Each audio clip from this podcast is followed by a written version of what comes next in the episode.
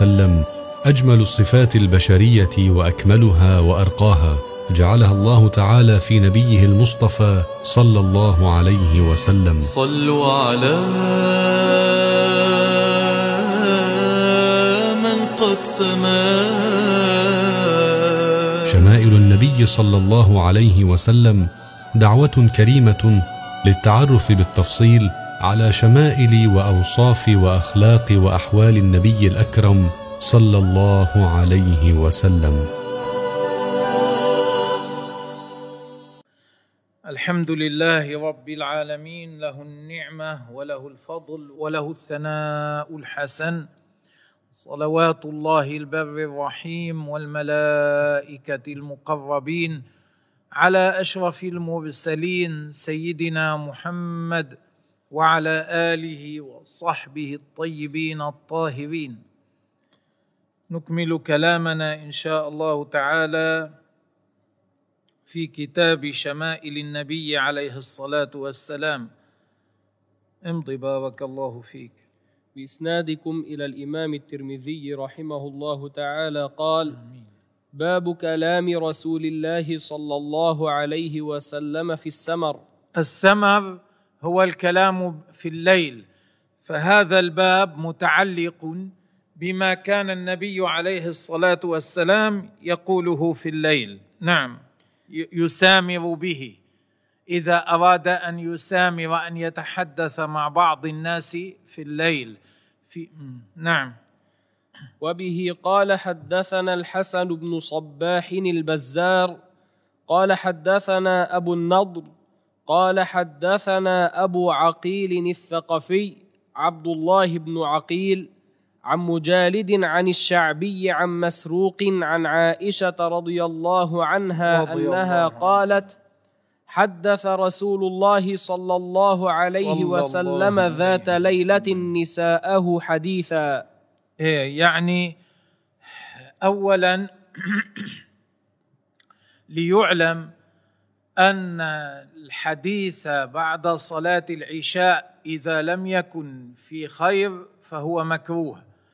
إذا لم يكن في أمر مهم فهو مكروه. لا ينبغي أن يصرف الإنسان وقته بالكلام بعد العشاء إلا في أمر مهم في علم أو نحو ذلك أو في آه، نفع مسلم أو في آه، تألف قلب إنسان أو في آه، تلطف بإنسان لينتفع أو ما شابه ذلك. والنبي عليه الصلاة والسلام كان لا يتحدث بعد العشاء إلا في خير. وكان بين المدة والمدة يحدث نساءه تاليفا لقلوبهن يحكي لهن عن بعض الأشياء المستملحة تاليفا لقلوبهن وهذا أمر ينبغي أن يراعيه الرجل فيحدث زوجه بين المدة والمدة ما فيه ترطيب لقلبها آه، ما فيه استجلاب لرضاها ما فيه آه، ما فيه مسايرة لها ما فيه مؤانسة لها ما فيه تلطف بها. ينبغي الا يهمل هذا الأمر. فإن رسول الله عليه الصلاة والسلام لم يكن يهمل ذلك. مرة كان يحدث نساءه ذات ليلة نعم. فقالت امرأة منهن كأن الحديث حديث خرافة. إيه، يشبه الحديث حديث خرافة لملاحته لشدة ملاحته لحسن هذا الحديث. كأنه ليس حقيقة كأنه خرافة.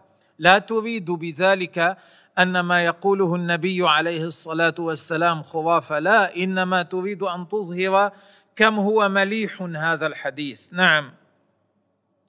فقال أتدرون ما خرافة؟ لما قالت ذلك قال أتدرون ما خرافة؟ نعم. وخاطب نساءه مخاطبة الذكور آه، لأنهن في قوة الفهم كأنهن ذكور. نعم. إن خرافة كان رجلا من عذرة. من قبيلة عذرة قبيلة مشهورة. إليها ينسب الهوى العذري. نعم. إلى هذه القبيلة. مم. أسرته الجن في الجاهلية. الجن اختطفته أسرته في الجاهلية. نعم. فمكث فيهم دهرا. مدة طويلة بقي مختفيا ماسورا عند الجن. نعم. ثم ردوه إلى الإنس فكان بعد ذلك أرجعوه إلى أهله. مم. ثم ردوه إلى الإنس فكان يحدث الناس بما رأى فيهم من الأعاجيب. ما رأى من الأمور العجيبة بين الجن. مم. فقال الناس حديث خرافة. إيه، فمن هنا قال الناس حديث خرافة. إذا حدث الإنسان بأمر غريب يقولون حديث خرافة. هذا يشبه ما كان يخبر به خرافة. ثم بعد ذلك استعمل هذا في معنى أوسع شمل معنى أوسع. مم. حديث أم زرع. وهذا أيضا حديث أم زرع مما كان النبي عليه الصلاة والسلام يحدث به نساءه في الليل. نعم. وبه قال حدثنا علي بن حجر. به وبأمثاله يعني. مم. قال أخبرنا عيسى بن يونس عن هشام بن عروة عن أخيه عبد الله بن عروة عن عروة عن عائشة رضي الله عنها عن النبي صلى, صلى الله, عليه, وسلم, أنه قال ج- جلست إحدى عشرة امرأة. نعم. تعاهدن وتعاقدن على ألا ي- اتفقنا الزمنا أنفسهن تعاهدنا كل واحدة منهن ألزمت نفسها بإيش؟ مم. ألا يكتمن من أخبار أزواجهن شيئا. كل واحدة تذكر, عن خبر زوجها من غير أن تخفي شيئا خيرا كان أو شرا حسنا أو قبيحا. قالت الأولى زوجي لحم جمل غث. زوجي تذمه. قالت زوجي كأنه لحم جمل غث ما فيه لحم ليؤكل. إيه، لحم لا يرغب فيه. رديء شديد الهزال. على رأس جبل وعر. ليس فقط لحم جمل غث بل كأنه جمل غث على رأس جبل وعر. الوصول إليه صعب الارتقاء إليه صعب. تكني بذلك عن كبره وترفعه عليها. مم. لا سهل فيرتقى. إيه. ولا سمين فينتقى. لا الوصول إليه سهل حتى يوصل إليه يرتقى إليه. ولا هو جمل سمين ينتقى لأجل أن يؤكل. نعم. أو فينتقل. أي ينقلوه الناس إلى حيث يكونون لأجل أكله. يعني مثل الجمل الذي لا ينتفع به في شيء. جمل على رأس جبل وعر يصعب الوصول إليه. إذا وصل الإنسان إليه وجده هزيلا شديد الهزال. لا ينتفع منه بشيء. نعم. قالت الثانية زوجي زوجي العشنق. زوجي العشنق يعني زوجي طويل شديد الطول طولا مستكرها. إن أنطق أطلق. ما أستطيع أن أتكلم بحاله. إذا بلغه ذلك يطلقني. إن أنطق أطلق يطلقني. وإن أسكت أعلق. وإن لم أتكلم أعلق. يعني لا يعاملني المعاملة التي ينبغي أن يعاملها الزوج زوجه. نعم. قالت الثالثة لا أنا مع رجل ينفعني ولا أنا مطلقة أنتظر زوجا آخر ينفعني. مم. قالت الثالثة زوجي لا أبث خبره. لا أظ... لا أظهر خبره لا أنشر خبره أخاف. مم. إني أخاف ألا أذره. يعني إني أخاف أن أذره لا زائدة. إني أخاف أن لا أذره يعني أخاف أن أذره. أن أذره أي أن أتركه يعني أن يطلقني. أخاف إذا تكلمت. إن أذكره أذكر عجره وبجره. إن أذكره إن أذكر خبره أذكر عجره وبجره. العجر هو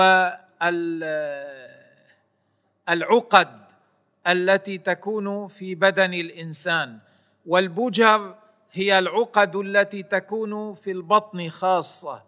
فمعنى كلامها لو أردت أن أذكر أذكر معايبه الظاهرة والباطنة.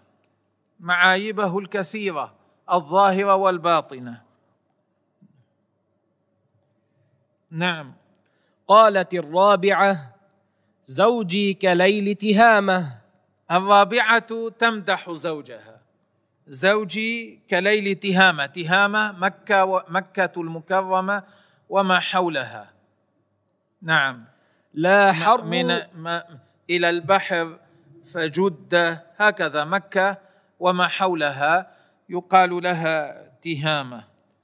من ذات عرق إلى البحر آه، وجدة إلى جدة هذا تهامة. مم. لا حر ولا قر. لا هو لا هو حر هذا الليل ولا هو قر. وهكذا معاملة زوجي لي معتدلة حال زوجي معتدل. مم. ولا مخافة ولا سآمة. ولا أخافه ولا أسأمه ولا أمل منه. قالت الخامسة زوجي إن أكل لف. ها إن أكل لف يعني أكل كل ما في البيت من الطعام لا يترك لنا شيئا. قالت زوجي إن أكل لف يعني أكل الطعام كله ما أبقى لنا شيئا. نعم. وإن شرب اشتف. اشتف يعني ما- أد ما ترك في الإناء شيئا. يشرب في الماضي العرب لا سيما البدو. لم يكن سهلا عندهم الحصول على ماء الشرب. فكان الواحد منهم يشرب بمقدار يراعي أنه يشرب ما يراعي به غيره وما يراعي به نفسه وأنه يشرب بعد ذلك إلى أن يأتوا بماء آخر. فقال لكن زوجي لا يراعي إذا شرب اشتف لا يترك لنا شيئا. نعم. حتى الشفافة شفافة ما يبقى في آخر الإناء. حتى هذه الشفافة يشربها. نعم. وإن اضطجع التف. وإن اضطجع التف في ثيابه وتغطى وحده لا يلتفت إلي لا يسأل عن شأني. مم. ولا يولج الكف ليعلم البث. حتى لو كنت متألمة متوجعة لو كنت مريضة لا يدخل يده تحت الغطاء ليرى كيف حالي ليطمئن نعم يعني يهملني إهمالا تاما. قالت السادسة زوجي إن دخل فهد. أي كان كالفهد وهذه المرأة حالها نحن لا نعلم. هل تريد مدح زوجها أو تريد ذمه؟ هل هذا مدح أو ذم؟ لأن الكلام يحتمل الوجهين يحتمل المدح ويحتمل الذم. الفهد مشهور بطول النوم بكثرة النوم. قالت زوجي إن دخل فهد. يحتمل هذا أن يكون معناه أنه مهمل. يدخل ينام لا يهتم بأمورنا. ويحتمل أنه يغضي عنا. لو فعلنا أشياء لا تعجب يظهر كأنه لا يراها كأنه نائم عنها لا غير متنبه لها. يحتمل هذا ويحتمل هذا. وإن خرج أسد. حد وهذا أيضا. إذا خرج تصرف كالأسد. الأسد معروف بالقوة والبأس والشجاعة ومعروف أيضا بالسفاهة. فإما أن يكون قصدها هو شجاع كالأسد وإما أن يكون قصدها هو سفيه كالأسد. مم. ولا يسأل عما عهد. وهذا أيضا يحتمل الوجهين. يحتمل أنه إذا كان طلب منا شيئا فلم نفعله يتغاضى لا يدقق علينا. ويحتمل أنه لو طلب منا شيئا فلم نفعل لا يهتم لا يلتفت إلينا.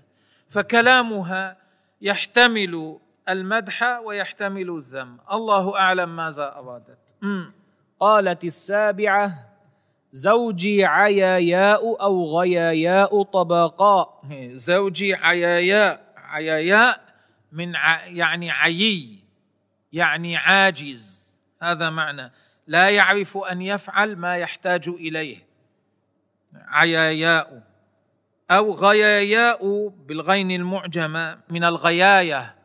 الغياية الظلمة. يعني الأمور بنفس المعنى. يعني الأمور مطبقة عليه. لا يعرف أن يدبر أموره لا لا يعرف أن يدبر شؤونه. إذا لو إذا قالت عيايا أو غيايا تريد أنه غبي. هذا مرادها. أمم. طبقاء يعني مطبق عليه من من الحماقة. نعم. كل داء له داء. كل ما يخطر ببالك من الأدواء من المعايب موجود فيه. شجك أو فلك. إما أن يضربني على رأسي فيشجني وإما أن يضربني على غير رأسي فيكسر عظمي. نعم. أو جمع كلا لك. أو يجمع الاثنين. يضرب يضربني على الرأس ويضربني على غير الرأس. الضرب الشديد. نعم. قالت الثامنة زوجي المس مس أرنب. تمدح زوجها تقول زوجي المس مس أرنب. لطيف زوجي لين حسن العشرة. نعم. والريح ريح زرنب. الزرنب نبات طيب الرائحه عشرته لينة ورائحته حسنة. نعم. قالت التاسعة زوجي رفيع العماد. العماد هو العمود الذي تعتمد عليه الخيمة. وكلما كان العمود أعلى كلما كانت الخيمة أكبر. تريد زوجي له رتبة في قومه عالية. لذلك خيمته واسعة. عموده رفيع عالي يعني خيمته واسعة. تريد له رتبة ووجاهة في قومه. نعم. عظيم الرماد. عظيم الرماد يعني أمام بيته رماد كثير. لماذا يكون الرماد كثيرا؟ لأنه يشعل الحطب كثيرا. لماذا يشعل الحطب كثيرا؟ لأنه يشوي عليه للضيفان يعني كثير لأجل كرمه معناه كريم كثير الرماد. طويل النجاد. طويل النجاد حمائل سيفه. السيف أحيانا يكون له حمائل يعني يعلق في الكتف شيء يعلق به السيف في الكتف. هذا إذا كان الإنسان طويلا تكون حمائله طويلة. تريد بذلك أنه طويل. نعم. قريب البيت من الناد. النادي هو القوم المكان الذي يجتمع فيه القوم. أن في الماضي العشيرة لهم مكان يجتمعون فيه وهو هذا يقال له النادي. بيته قريب من النادي تعني أنه كريم لا يهرب من نزول الضيوف عليه لأن الذي يريد أن يهرب أن يهرب من نزول الضيوف عليه يبتعد ببيته عن النادي حتى لا يقصده الضيفان. أما الذي يكون بيته قريب من النادي إذا جاء الضيف إلى نادي القوم يرى بيته فيمر إليه. هو كان كريما بيته قريبا قريب من النادي. تمدحه يعني. نعم. قالت العاشرة زوجي مالك وما مالك. تعظمه زوجي مالك وما مالك. ما تعرفون شأن مالك. مالك شأنه عظيم. مم. مالك خير من ذلك. مالك حاله أحسن من كل الذي ذكرتم. من كل ما ذكرتم حاله أحسن. له إبل كثيرات المبارك. عنده إبل كثيرة باركة قاعدة بفناء داره. قليلات المسارح. لا تذهب هذه الإبل لا تسرح إلى المرعى. تبقى قريبا من البيت. لا تذهب مع باقي الإبل لتسرح إلى المرعى. نعم. إذا سمعن صوت المزهر أيقن أنهن هوالك. إيه، وهذه يبقيها هناك تبقى هناك استعدادا للضيوف إذا جاء ضيفان. فإذا جاء ضيف وسمعنا صوت المزهر المزهر مثل العود كان يعزف به للضيف. إذا سمعنا صوت المزهر ايقنا أنهن هوالك سيذبحن حتى يأكلهن الضيف. تريد بذلك أنه كريم كثير الكرم. نعم. قالت الحادية عشر غني كريم. نعم. قالت الحادية عشرة زوجي أبو زرع أنا وما زوجي أبو زرع. نعم. وما أدراك؟ نعم. زوجي أبو زرع وما أبو زرع. ما أبو زرع. ما يدركن ما أبو زرع. أبو زرع شأنه عظيم. أناس من حلي أذني. يعني جعل الحلي في أذني حتى تدلى الحلي واهتز نازلا من أذني. معناه أكرمني بالحلي حلاني أ- أتاني بالحلي. نعم أناس هذا معناه. حرك حرك الشيء متدليا. أناس من حلي أذني جعل في أذني حليا فصار يتحرك هذا الحلي وهو متدل من أذني نازل من أذني. وملأ من شحم عضدي. إيه، وامتلأ بسببه عضدي شحما. معناه غذاني جيدا أطعمني جيدا. وبجحني. بجحني عظمني. هذا معنى بجحني. فبجحت إلي نفسي. فصرت أرى نفسي معظمة. عظمني فصرت أرى نفسي عظيمة. وجدني في أهل غنيمة بشق. وجدني في أهل غنيمة. أهلي أنا فقراء. وجدني في أهل غنيمة. كان عندهم غنيمة غنم صغيرة. هذا الذي عندهم. نعم. وجدني في أهل غنيمة بشق. بشق يعني في شق من الجبل في مثل غار نسكن هناك. فجعلني في أهل صهيل. إيه، تزوجني فجعلني في أهل صهيل. الصهيل صوت الخيل فصرت عند إنسان يملك الخيل. نعم. وأطيط. أطيط الإبل ي- يملك الإبل أيضا. مم. ودائس. ودائس يملك البقر لأنها تدوس على الزرع حتى يفصل الحب عن السنبل عن القشر عن السنبل. نعم. ومنق. ومنق. هذا راجع إلى تنقية الزرع. نعم.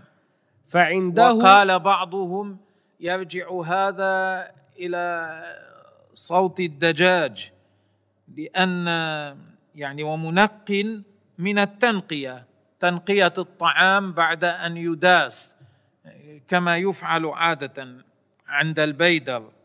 فعنده أقول فلا أقبح. عنده أقول فلا أقبح. إذا تكلمت لا يسمعني شيئا يزعجني. لا لا يستهزئ بكلامي لا يقول لي قبح الله وجهك أو ما شابه ذلك. مم. وأرقد فأتصبح. أنام فلا أحتاج أن أقوم باكرا في الصباح. أتصبح يعني أبقى نائمة في الصباح لأنه لا يطلب مني الخدمة وقد يس أعانني بمن يخدمني. مم. وأشرب فأتقمح. أشرب فأتأنى في الشرب. أشرب ثم أترك ثم أشرب بعد ذلك لأن الماء عنده كثير. ليس كغيره الماء عنده قليل للشرب. مم. أم أبي زرع فما هذا بالنسبة إليه. ثم أمه تمدح أمه مع ما يكون في أحيان كثيرة. بين المرأة وأم زوجها من النفرة لكن هي تقول أم أبي زرع ليست كباقي النساء. نعم.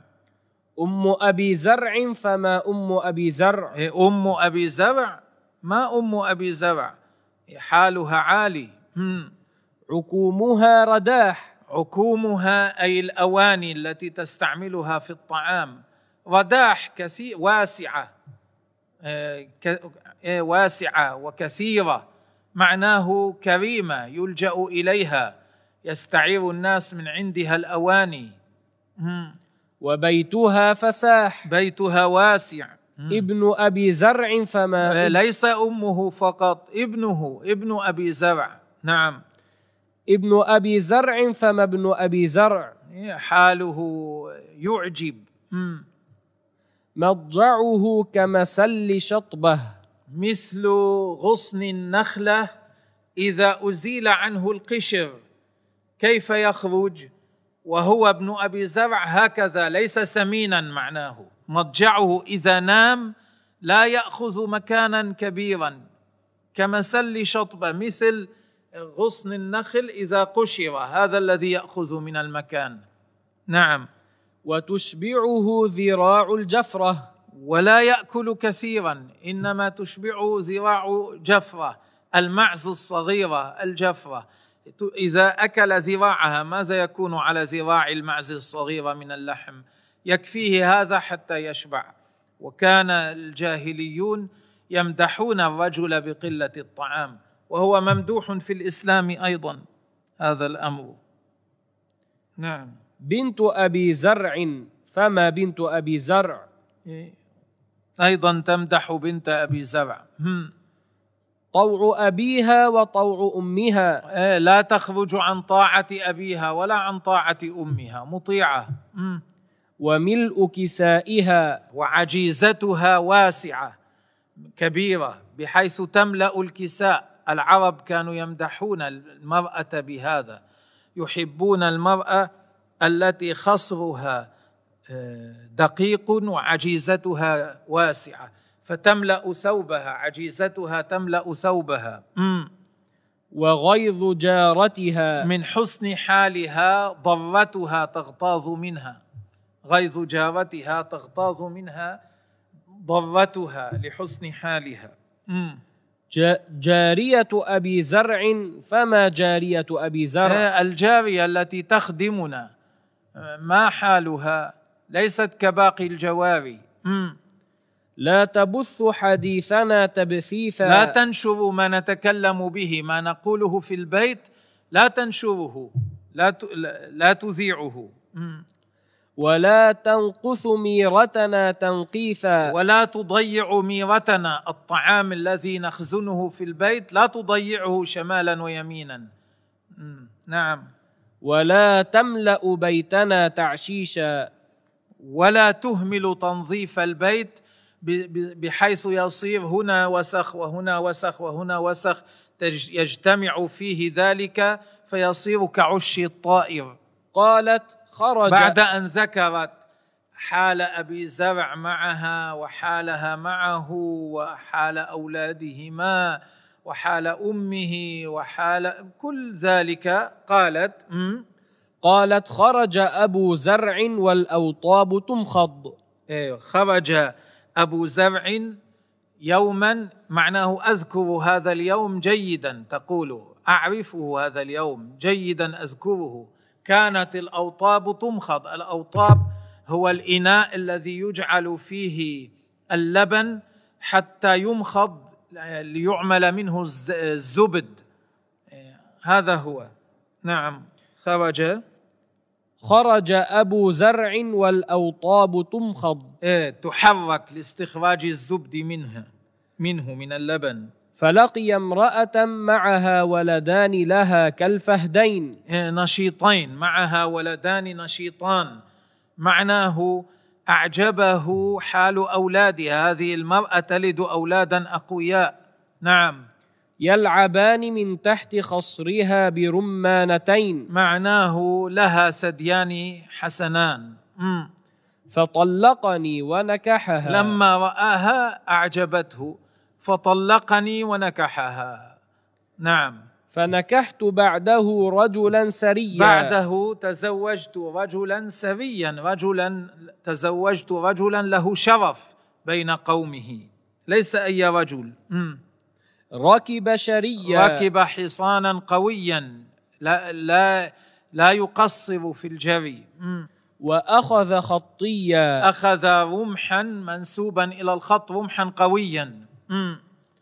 وأراح علي نعما. يعني فغزا بعض الناس ثم رجع أراح علي. أتى بما أخذه بالغزو أتى به إلى مراح الدواب التي عنده. أراح علي رجع إلي. نعم. وأراح علي نعما ثريا. أراح علي نعما أي إبلا وبقرا وغنما ثريا أي كثيرا. جاءني بكثير. رجع معه كثير من الإبل والبقر والغنم. وكان الناس في الجاهلية يغزو بعضهم بعضا. القوي يأكل الضعيف. إذا استطاع أن يكسر غيره أو يأخذ ماله يأخذ يغزوه فيأخذ آه، مواشيه. كانوا يفتخرون بالقوة على هذا. فهذا الرجل هكذا فعل. نعم. وأعطاني من كل رائحة زوجا. أعطاني من كل زو من كل ما رجع به من كل صنف رجع به زوجا. معناه نعم. وقال كلي أم زرع. كلي نعم. وقال كلي أم زرع وميري أهلك. وخذي إلى أهلك أيضا. أنت خذي لنفسك وخذي لأهلك أعطي أهلك أيضا. فلو جمعت كل شيء أعطانيه. ما بلغ أصغر آنية أبي زرع. مع إحسانه إليها لكن تقول لو جمعت كل شيء أعطاني لا يبلغ عندي أصغر إناء أعطاني إياه أبو زرع. وهذا من باب المبالغة وإلا يعني هو يبلغ أكثر لكن من باب المبالغة. معناه قلبها محبة أبي زرع ما زالت في قلبها ما زالت ترى له تلك المنزلة. نعم. قال- وإحسانه تعرف أن إحسانه لا يدانيه إحسان غيره إليها أمم. قالت عائشة مم. فقال لي رسول الله صلى الله عليه وسلم بعد أن ذكر النبي عليه الصلاة والسلام هذه القصة التي فيها تنبيه على أمور كثيرة مستحسنة ينبغي أن يتحلى بها الإنسان وفيها تنبيه إلى أمور كثيرة مستقبحة ينبغي أن يبتعد منها الإنسان. بعد أن ذكر النبي عليه الصلاة والسلام لها قصة هؤلاء النسوة وقص وماذا قالت آه، أم زرع عن أبي زرع إيه؟ قال فقال لي رسول الله صلى الله عليه وسلم وسلم. كنت لك كأبي زرع لأم زرع. آه، أنا لك كأبي زرع لأم زرع. أي في الإحسان إليك لا في تطليقك لا أطلقك كما فعل أبو زرع لكن في الإحسان إليك أنا حالي معك كحال أبي زرع مع أم زرع. وحتى لما تزوجت غيرك من النساء فإن هذا رفع مقامك حتى صرت أفضل أمهات المؤمنين بعد خديجة رضي الله تعالى عنهما. وهذا مثال عما كان النبي عليه الصلاة والسلام يحدث به نساءه ويلاطفهن ولا يخفى ما يتخلله من فوائد كثيرة مبثوثة في أثنائه. وفي هذا إرشاد لنا ودلالة إلى حسن معاملة الزوجة والاهتمام بأمرها وملاطفتها ومسايرتها وذلك كما قال النبي عليه الصلاة والسلام خيركم خيركم لأهله وأنا خيركم لأهله. وأيضا فيه إشارة للزوجة أن تحفظ الجميل فإن أم زرع مع أن زوجها طلقها لم تذمه بعد ذلك بل ما زالت تعرف له الجميل وحسن العشرة حتى بعد طلاقه لها. وكثير من النسوة لا يعرفون الإحسان للزوج من غير أن يطلقهن وهذا مما لا ينبغي أن تكون عليه المرأة. أسأل الله أن يرشدنا جميعا وأن ييسر لنا التحلي بالأخلاق الفاضلة التي دل عليها شرعنا الذي جاء به نبينا عليه الصلاة والسلام بوحي من الله تبارك وتعالى والله عز وجل أعلم وأحكم. شمائل النبي صلى الله عليه وسلم أجمل الصفات البشرية وأكملها وأرقاها. جعلها الله تعالى في نبيه المصطفى صلى الله عليه وسلم. صلوا على من قد سما. شمائل النبي صلى الله عليه وسلم دعوة كريمة للتعرف بالتفصيل على شمائل وأوصاف وأخلاق وأحوال النبي الأكرم صلى الله عليه وسلم.